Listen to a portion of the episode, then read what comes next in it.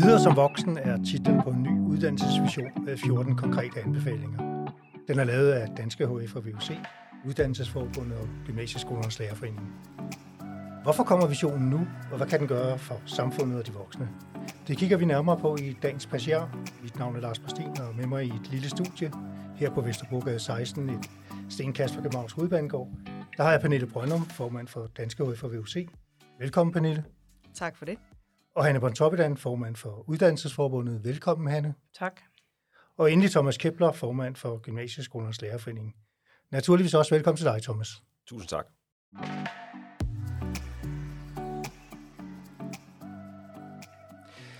Allerførst, Pernille Brøndum. Hvorfor har I valgt at offentliggøre en almen uddannelsesvision for voksne? Det har vi valgt, fordi det er på høje tid, at vi har en bevidst uddannelsesvision for voksne, som øh, vi kan slutte os sammen om, så vi kan være lidt mere ambitiøse på det her område. Vi skal være ambitiøse for voksnes uddannelsesniveau, både på det basale, de basale færdigheder, men i virkeligheden også på det, der svarer til ungdomsuddannelse eller gymnasial uddannelse, erhvervsuddannelsesniveau i Danmark. Det har vi brug for. Og den ambition, øh, den ligger jo formuleret i 17 siders øh, visionsoplæg. Hanne Bontoppidan, hvad er hovedbudskaberne i, i visionspapiret? Jamen, hovedbudskabet det er klart, at de forventninger, vi har til unge og unges uddannelsesniveau, de skal afspejle sig i de forventninger, vi har til de voksnes uddannelse. Og det betyder altså, at voksne altid skal have mulighed, reelle muligheder for at tage en uddannelsesvarende til det, som vi forventer af de unge. Så altså en, en, en, en, en samlet almen uddannelse til voksne, som svarer til et, et niveau for en ungdomsuddannelse. Ja. Men han tidligere, øh, synes jeg, har stødt på, på, på undersøgelser, der viser, at, at voksne godt kan betakke sig lidt for at skulle på skolebænken igen. Og måske i det omfang, I lægger op til. Hvad, hvad, hvad tænker du om det? Jamen, det er da fuldstændig rigtigt, og derfor er det også vigtigt, at vi etablerer noget uddannelse, som foregår på de voksnes præmisser, øh, på baggrund af deres erfaringer og med den viden, de ligger inde med. At så møder de andre voksne, og sammen med dem øh, får de løftet deres kompetencer, så de både er, øh, kan matche de unges øh, i forhold til at være en aktiv del af samfundet og samfundsudviklingen, men også i forhold til at gå efter de gode job på arbejdsmarkedet og gå efter de sikre job på arbejdsmarkedet. Mm, og det er, som øh, man kan forstå, når man læser papiret, noget, der skal ske i et styrket parallelt uddannelsessystem. Thomas Kepler, hvad forstår I ved et styrket øh, uddannelsessystem, parallelt uddannelsessystem? Vi vi bygger det jo på, øh, på det, vi opfatter, og som alle, som kender til VUC, opfatter, er VUC's øh, kendetegn, at øh, det er øh, en, en uddannelsesvej at gå, som øh, er øh, en, øh, en parallel til øh, det øvrige uddannelsessystem, og for mange af de øh, kursister, vi har med at gøre, lever med at gøre så er det den, det eneste uddannelsessystem, som passer til deres behov, hvis man skal bygge videre på det, som, øh, det, som Hanne hun sagde lige før, altså det med at få skruet nogle uddannelser sammen, eller udbyde nogle uddannelser, som øh, møder de, øh, de unge voksne, så de voksnes behov, jamen det er der, hvor vi ser, at VUC udbyder et, et helt unikt øh, uddannelsesmiljø, et voksenpædagogisk uddannelsesmiljø, øh, som, øh, som, altså, som er det, der skal til for at man får rykket en, øh, og løftet en gruppe af, af borgere, som ellers ikke øh, har et uddannelsesniveau, og som ikke ellers vil søge ind og få løftet deres uddannelsesniveau. Så når I siger, at VUC er en helt afgørende brik i det parallelle system, øh, så er det fordi VUC kan noget helt særligt, og det er det, du betegner som det voksenpædagogiske miljø. Ja, Hvad det er, er det særligt i det? Jamen det er, at, øh, at, de, at kursisterne for det første oplever, at øh, de øh, ikke øh, går på, øh, på hold eller i klasser med, øh, med andre elever, som har en helt, helt anderledes øh, livssituation, end de selv befinder sig i. Øh, altså, det, det billede, man nogle gange øh, kan få, øh, i debatten omkring VUC-kursister, det er, at øh, hvorfor kan de egentlig ikke bare gå på en gymnasial uddannelse, en af de andre gymnasiale uddannelser, men der ved vi jo bare omkring vores kursister, at øh, det vil simpelthen være forfærdeligt for dem, at, øh, at, at, at skulle øh, flytte sig over til øh, et, et, et uddannelsesmiljø, som, øh, som, øh, som består af elever og kursister, som er et helt andet sted. Altså det er rigtig vigtigt for vores kursister på, på VUC, at øh, de øh, oplever, at øh, der er en voksen pædagogik, at de øh, lærere, som har med dem at gøre, at de tager udgangspunkt i øh, deres situation, deres udgangspunkt, at, at øh, undervisningen er, er tilrettet, øh, også fleksibelt tilrettet til, at øh, de, kan, øh, de kan være i en uddannelsessituation, Øh, og det er altså et andet miljø, end det, som man har øh, så mange andre steder i uddannelsessektoren. Det er, det er sådan set kun VUC, der kan det her. Mm. Så, så, så, så det styrke ligger her i en særlig ekstraordinær, også håndsrækning til de voksne. Men Pernille Brøndum, hvad, hvad er det så, jeres vision mere præcis kan gøre for, øh, for det danske samfund? Der er, selvom vi er langt fremme i Danmark med uddannelse, så har vi faktisk store udfordringer, fordi udviklingen går meget, meget stærkt. Der er brug for virkelig gode kompetencer inden for både at læse og skrive og regne, også inden for det digitale, men også øh, hele øh, måden at tænke innovativt på. Vi ser ind i et arbejdsmarked eller et arbejdsliv, hvor vi skal være rigtig mange flere år på arbejdsmarkedet, end vi skulle i gamle dage. I gamle dage kunne man måske godt sige, at jeg har et job, det har jeg til at gå på pension. Det er ikke tilfældet længere. Vi har brug for hele tiden at kunne omstille os. Og det er jo en glæde at høre, at ordet og begrebet livslang læring er kommet tilbage til, til os i uddannelsesverdenen. Og det er simpelthen, man, man kan jo godt se nu, vi kommer til at arbejde og uddanne os øh, i sådan en vekselvirkning, øh, og vi kommer til at omstille os og tage nye karriereskridt flere gange i løbet af, af et arbejdsliv, der ender med måske at skulle vare indtil man er 74. Og der har vi jo se altså, ja, som Thomas også sagde før, vi har, vi har fleksible øh, uddannelsestilbud. Man kan sådan set sagtens uddanne sig og arbejde sideløbende. Vi har mange, vi er langt fremme digitalt, så man også, øh, nu har vi prøvet med corona, at øh, nogen faktisk trives fint med at være arbejde noget hjemmefra, ikke fuldtid nødvendigvis, men der er sådan en mulighed for, for flere måder at uddanne sig på. Øhm, og så har vi særligt denne her specialisering i inklusion og integration, som der er nogen, der har et stort behov for. Øhm, men det fleksible og det digitale er noget af det, vi skal bruge, når vi skal have den her vekselvirkning mellem arbejde og uddannelse, øh, sådan løbende op igennem vores arbejdsliv. Og I skriver jo også i, i, i i oplægget, at øh, uddannelsen er, er vigtig for at styrke sammenhængskraften i samfundet. Øh, hvad betyder det øh, mere konkret? Anne? Jamen det betyder, at øh, hvis, hvis man skal øh, øve indflydelse på, øh, på samfundets udvikling, så kræver det, at man har nogle grundlæggende almene forudsætninger fordi øh, du skal øve indflydelse i forhold til, den, øh, til nogle politiske partier, du skal øve indflydelse i forhold til at, at øh, foretage et øh, valg ved kommunalvalg, du skal kunne deltage i nogle øh, debatmøder om øh, lokalplaner og andet. Øh, alle de her ting forudsætter altså, at du har nogle almindelige kvalifikationer. Øh, og det er klart, hvis man overlader hele det indflydelsesapparat øh, til dem, som er unge i dag, og som har de nødvendige almene forudsætninger, jamen så bliver det altså et skævt samfund.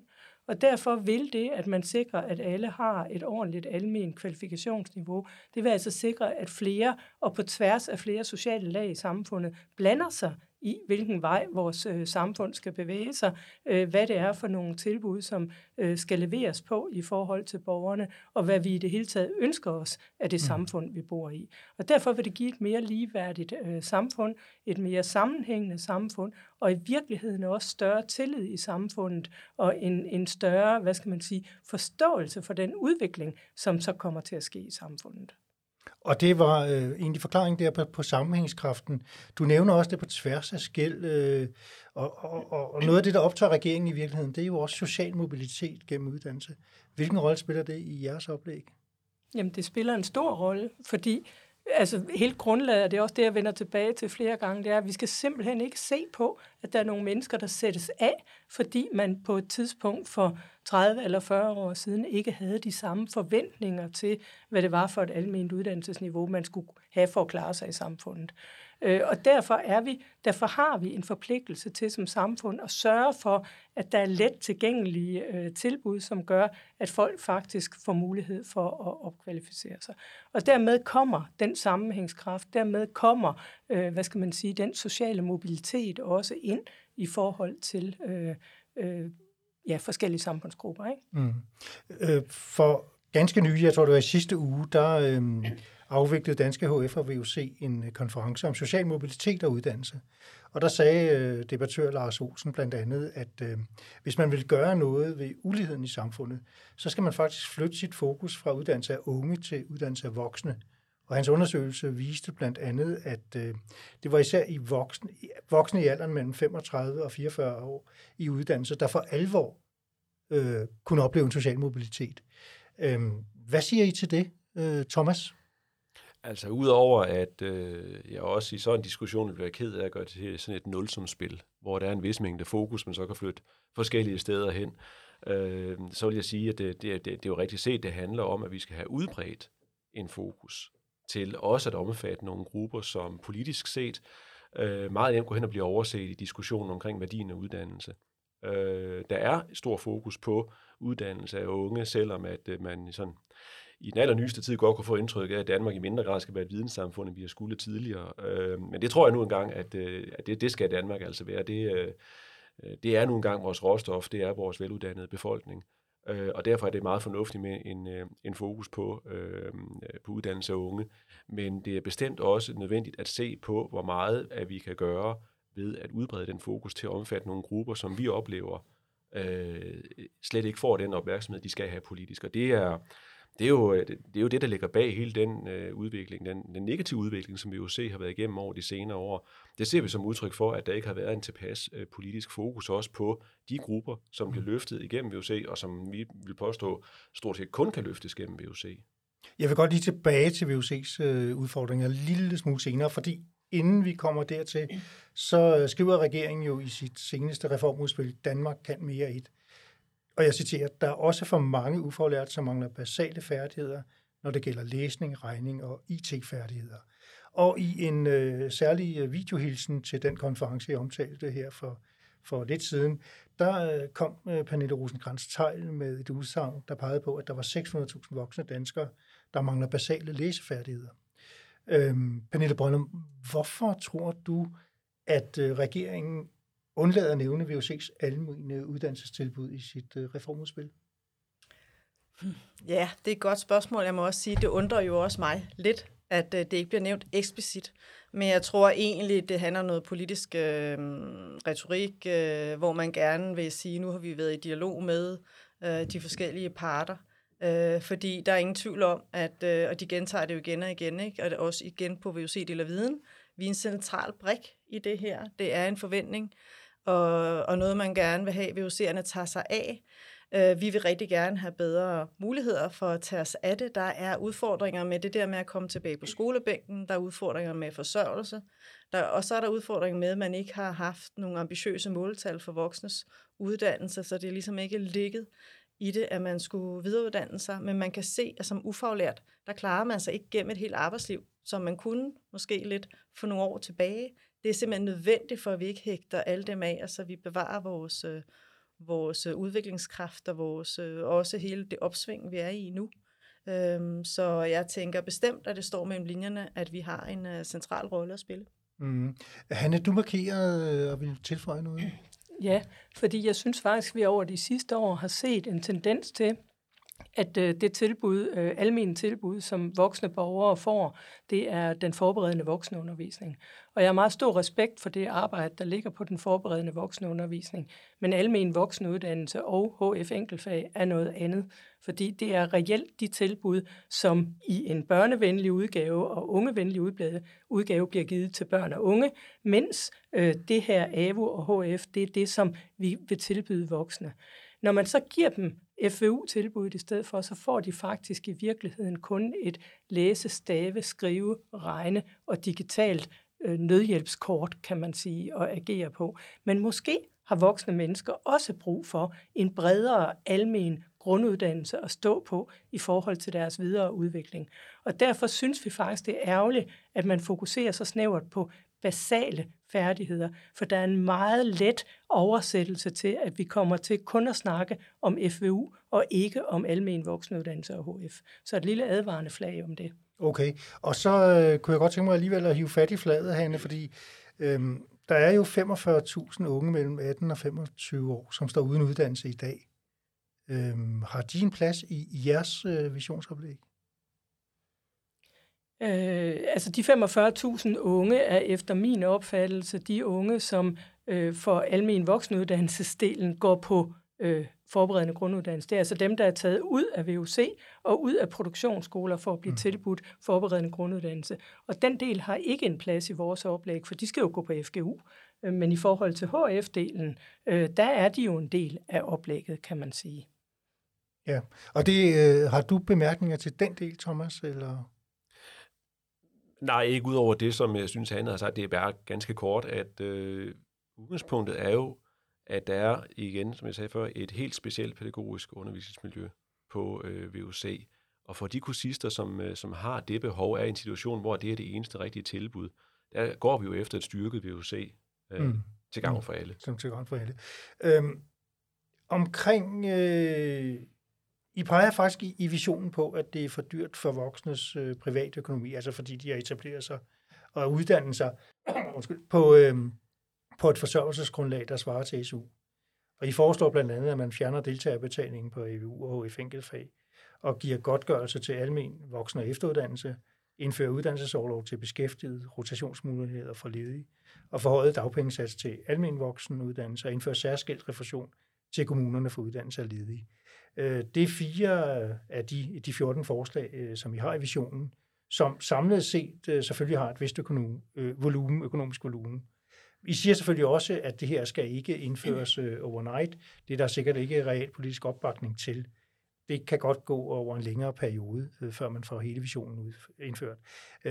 Men, men man kan sige, at i den her regering sidder der blandt andet to minister. Det, det er undervisningsministeren, Pernille Rosenkrantz-Teil, og nu kulturminister tidligere, forskningsminister Ane Halsbro Jørgensen, der sammen skrev bogen Det betaler sig at investere i mennesker, og som blandt andet argumenterede for, at man skulle ikke se udgifter til uddannelse som, som, som, som, som, som rå udgifter i Finansministeriets logik, men som investeringer, som giver noget på længere sigt. For eksempel flytter folk fra passiv forsørgelse til arbejdsmarkedet. Øh, og det er det, som sådan lidt med et, et embedsmands sprog bliver kaldt dynamiske effekter.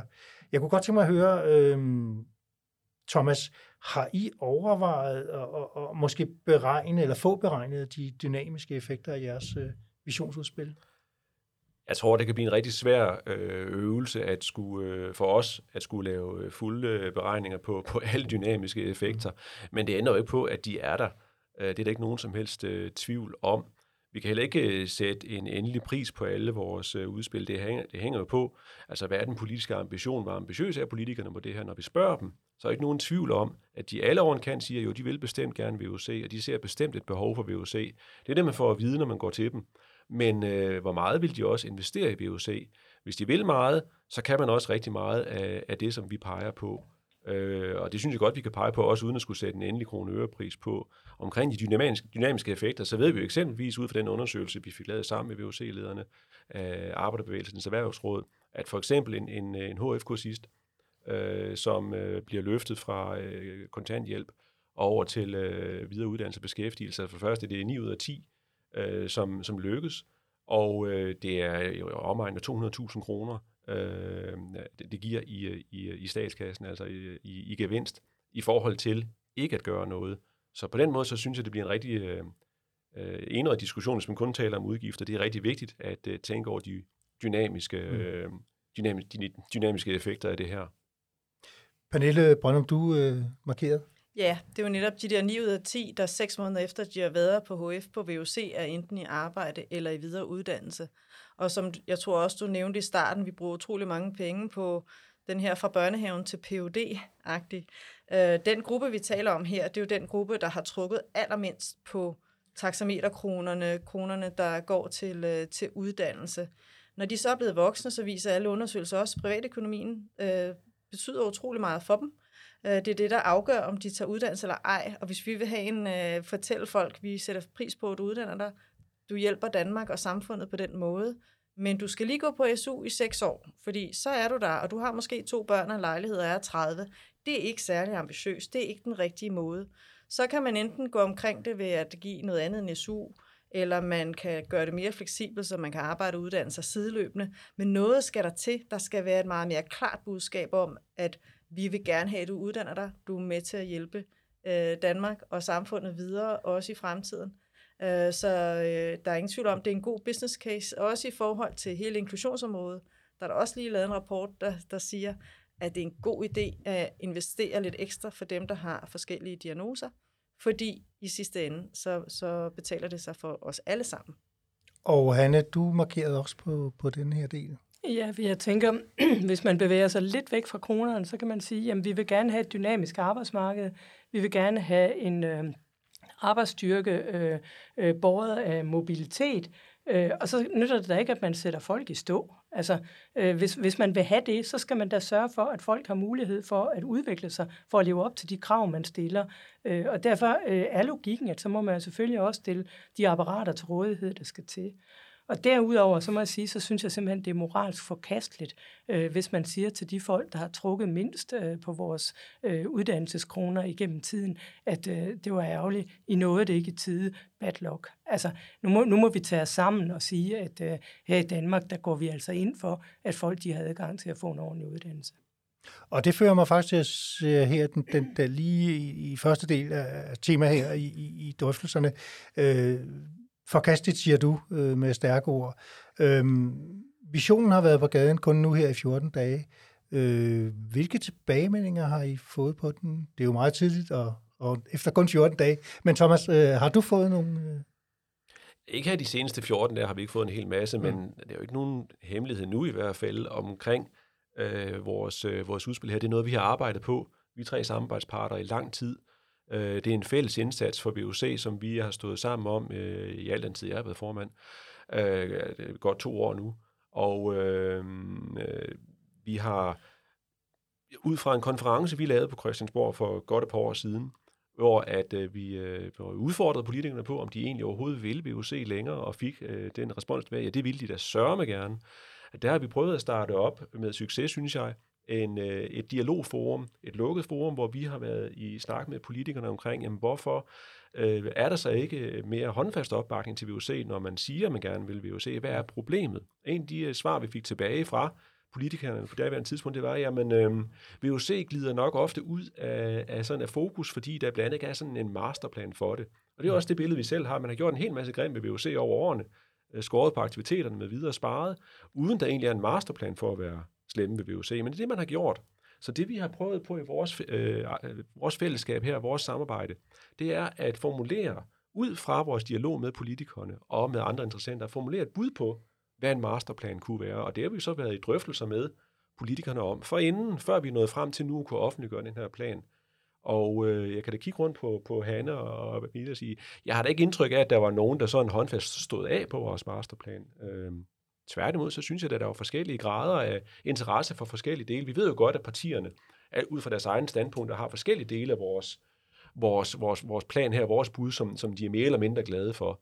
Men jeg synes egentlig, at vi er lykkedes med i den foregående drøftelse, før vi offentliggør det her, at få, øh, få BOC mere ind på lystavlen hos en del politikere, og få dem interesseret for nogle, nogle spørgsmål omkring BOC, som de måske ikke var så opmærksomme på før. I sidste uge, der offentliggjorde I jo udspillet i en større offentlighed øh, i Altinget. I skrev et fælles indlæg, øh, hvor I dels gjorde redde for øh, visionen øh, og indholdet i visionen, men I skrev også samtidig, i, at VUC har brug for akut økonomisk hjælp. Hvorfor er akut økonomisk hjælp til VUC så, så vigtigt lige nu, øh, Pernille? Det er det, fordi vi er ind i en kæmpe højkonjunktur økonomisk vækst opsving. Altså så selv dem, der tager 9. klasse på VUC, de siger, at vi må nok hellere arbejde, fordi øh, vi har nogle udgifter. Så det er en kendt sag, at når der er højkonjunktur i samfundet, så er der flere, der arbejder, og der alle folk bliver også opfordret til at gå ud og tage arbejde mens vi i perioder med lavkonjunktur, der vælter det ind på uddannelserne, der får vi fyldt øh, holdene helt op, ikke? fordi folk øh, bruger lavkonjunkturen til så videreuddannelser eller efteruddannelser. Så, så lige nu, der, øh, vi har været, jo været ude i en højkonjunktur før, men der, der, det var før vores taxameter blev skåret så voldsomt, som de er blevet. Sektoren har mistet ud over de almindelige 2% besparelser, har den mistet en hel milliard ekstra øh, siden 16. Og vi har simpelthen ikke de taxametre, den økonomi nu til at overleve den her højkonjunktur, der så også er overordentlig kraftig. Øhm, så det, det, handler, det handler rigtig meget om det. Samtidig så kan vi jo se, og der bliver talt om, hvor meget der er brug for os. Øh, der er virkelig meget brug for os til de 600.000, der ikke er klædt på til fremtidens arbejdsmarked, til de langtidsledige, og så til alle de her unge mennesker, som ja, de skal på FGU, og på et tidspunkt skal de måske enten i en erhvervsuddannelse eller tage en gymnasial uddannelse. Og det er nogle af dem, der har brug for den specialisering, vi har i inklusion og i tosproget, men også den lidt bredere samfundsintegration, dem, som ikke føler sig rigtige, som ligesom kan komme tilbage og få, få, få tilliden til egne evner tilbage igen, øh, i, mens de går på uddannelse. Men højkonjunkturen er den, der lige nu gør, hvis vi skal være her i det antal VUC-afdelinger, vi er, altså med en god distribution ud over hele landet, så skal vi altså gøre noget nu, øh, fordi at det er rigtig svært, som det ser ud lige nu. Så jeg hører jer ikke som sådan beklager over, at samfundet er inde i en højkonjunktur? Nej da. Absolut ikke. Det er da en stor glæde. Ja. Så det er et spørgsmål om, Hanne, hvad? Jamen, det er et spørgsmål om, at, øh, at vi, skal have nogle, øh, vi skal have en økonomi, der gør, at det her tilbud, som VUC nu så unikt kan levere øh, til øh, den danske befolkning, at det er tilgængeligt øh, uanset konjunkturerne. Og det betyder altså, at vi må sørge for at finde et finansieringssystem, som gør, at der er kompenseret for de konjunkturer, vi nu er i. Og så må vi altså sige, at, at derudover, øh, så er der, øh, altså det er den korte bane, det er, at vi skal sørge for, at økonomien er i orden nu og her, men så på den lange bane, så skal vi altså simpelthen have fokus ændret, sådan så der, der er nogle borgerrettigheder, så vi får fokus på, at uddannelsespolitik er også for voksne, ikke kun for børn og unge. Thomas, øh, du var jo fremme med nogle fornemme tal, kan man sige, øh, for øh, at jeg tror, det var syv ud af ti øh, kursister, der er i beskæftigelse eller uddannelse et halvt år efter, de forlader VUC. Og der var noget med 200.000 kroner om året i gevinst for samfundet, hvis man flytter en øh, fra, fra kontanthjælp til, til beskæftigelse. Øhm, det er jo en, en mega succes, vel nærmest uden sidestykke uddannelsespolitisk. Øhm, så mit spørgsmål er egentlig, har I været for dårlige til at forklare den succes til politikerne på Christiansborg? Det synes jeg er svært at øh, give sig selv en karakter for. Øh, jeg kan sige for egne vegne, og jeg er sikker på, at øh, Hanna Pernille vil sige det samme, at det er bestemt ikke et budskab, som vi har været karige med, øh, når vi har været i dialog med politikerne øh, indtil nu. Men vi er jo også nået til, til en erkendelse, det gjorde vi jo i fællesskab for et par år siden omkring, at vi er nødt til at prøve nye veje. Vi er nødt til at skrue endnu mere op for indsatsen, for at gøre opmærksom på, hvad det egentlig er for en overset juvel i uddannelsessystemet, som man har med VUC, og hvor meget man er i færd med at, øh, at øh, kaste den juvel fra sig, hvis ikke man gør noget nu, eller holder op med at gøre, hvad man har gjort for det første, og hvis ikke man handler nu, fordi VUC er så ekstraordinært udsat, som VUC er lige for, øh, for tiden. Så øh, vi har vi har prøvet at navigere efter og handle efter det, vi har kunne konstatere, at at øh, alle indsatser indtil da altså ikke helt havde flyttet den politiske opmærksomhed derhen, hvor vi gerne vil have den. Og det er derfor, vi sidder her i dag og har det her udspil, som, øh, som, vi, som jeg sagde før, vi har været også ude på de indre linjer, at, øh, at præge politikerne med, at forsøge at præge politikerne med, og som vi bestemt også vil holde øh, dem op på i tiden, som kommer. Pernille, du markerede Ja, nu var det 9 ud af 10, der er videre i arbejde eller uddannelse seks måneder efter, når de har været på HF på VUC. Det er lidt bedre end 7 ud af 10, jo. Det er endnu bedre. Men det er jo nok ikke så meget det. Øhm, man må sige, at et enkeltfagssystem er noget særligt. Og det er ikke noget, alle kender til, hvis ikke de har været inde over det. Og det er det, vi løber lidt ind i, både når vi snakker med kommuner og jobcentre, men i virkeligheden også, når vi snakker med ministerier og embedsværk. At når der nyansættes folk rundt omkring, så skal man faktisk ind og lidt forfra forklare dem, hvad enkeltfag går ud på. Øh, fordi alle folk kender gymnasiet, man kender også erhvervsuddannelser sådan nogenlunde, men hvad er VUC egentlig? Og den almindelige borger ved heller ikke, hvor fleksible vi faktisk er på VUC, og hvordan man kan skrue noget sammen i en god interaktion med alt muligt. Så, øhm, og for, indtil for nogle år siden, der var det ligesom en naturlig ting, man havde VUC, og man skulle have adgang til efteruddannelse, men vi havde i virkeligheden ikke så mange tal på, og det havde ministeriet heller ikke på, hvad er effekten? Hvor er de henne senere? Der skal trækkes nogle særlige tal i Danmarks Statistik. Så vi tog også en bevidst beslutning for nogle år tilbage i Dansk UF og VUC, at vi bliver nødt til at være mere datainformerede for at kunne forklare og fortælle, hvad er det egentlig, vi kan? Hvad er det egentlig, det batter, at øh, man har været på VUC? Og det har vi gjort, og, og, og det hjælper os lidt i den, eller det hjælper os meget, synes jeg, i den kommunikation, vi har med politikerne omkring vores virke og vores effekt. Hanne, I skriver jo faktisk direkte i, i oplægget, at i sommeren 19, der måtte 8 VUC-afdelinger dreje nøglen om. Øhm, hvad sker der, hvis politikerne ikke gør noget her nu? Jamen, så må vi jo forudse, at endnu flere øh, bliver lukket, kan man sige. Og det betyder, øh, altså et er, at VUC må lukke. Det, det, er jo, det mest interessante er jo ikke VUC i den her sammenhæng. Det er jo, hvad det betyder for borgeren. Øh, og det betyder, at kortuddannede borgere, som er lidt uden for de større provinsbyer, at de faktisk ikke får adgang til at få øh, øh, skruet op for deres øh, almene kvalifikationer. Det betyder, at øh, de ikke kan være med i den, tidligere har vi talt om samfundsudvikling og arbejdsmarkedsudvikling, og det er dem, der bliver sat af vognen, for nu at sige det kort. Og der er det det, du sagde omkring sammenhængskraft. Øh, det har så også et geografisk perspektiv. Ja. ja. Øhm, så lige en ting mere, Hanne. Altså, vi har tidligere talt om, Danmark kan mere et øh, regeringens reformudspil. Der står jo nu, at de vil gerne sætte øh, 2,5 milliarder kroner af øh, om året øh, til at styrke øh, uddannelsesindsatsen, og især øh, med sigte på de, øh, de ufaglærte, øh, som skal opkvalificeres. Hvordan vurderer du, at jeres udspil kan være med til at åbne pengekassen? Jeg håber, at vi med det her udspil både har fået en række øh, parter men også øh, de politiske partier til at få en større indsigt i, øh, hvad det egentlig er, VUC gør øh, i forhold til de kortuddannede. Hvad er det for nogle muligheder, der ligger, og hvordan kan det bruges både i forhold til en øh, personlig udviklingsplan, men også i forhold til den lokale arbejdsmarkedspolitik eller i forhold til en virksomheds efteruddannelsespolitik.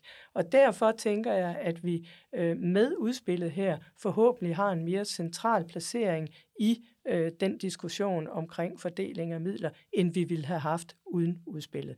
Vi kan i hvert fald øh, sige øh, med sindsro, at, øh, at nu er vi der, hvor vi har fået tydeliggjort øh, netop VUC's mission. Vi har fået tydeliggjort, hvad er det, øh, der er det unikke i det her? Hvorfor kan vi ikke bare gøre det nogle andre steder? Og hvor er det præcis, der skal sættes ind, hvis det er sådan, at øh, det her tilbud fortsat skal kunne bruges af alle borgere i hele Danmark?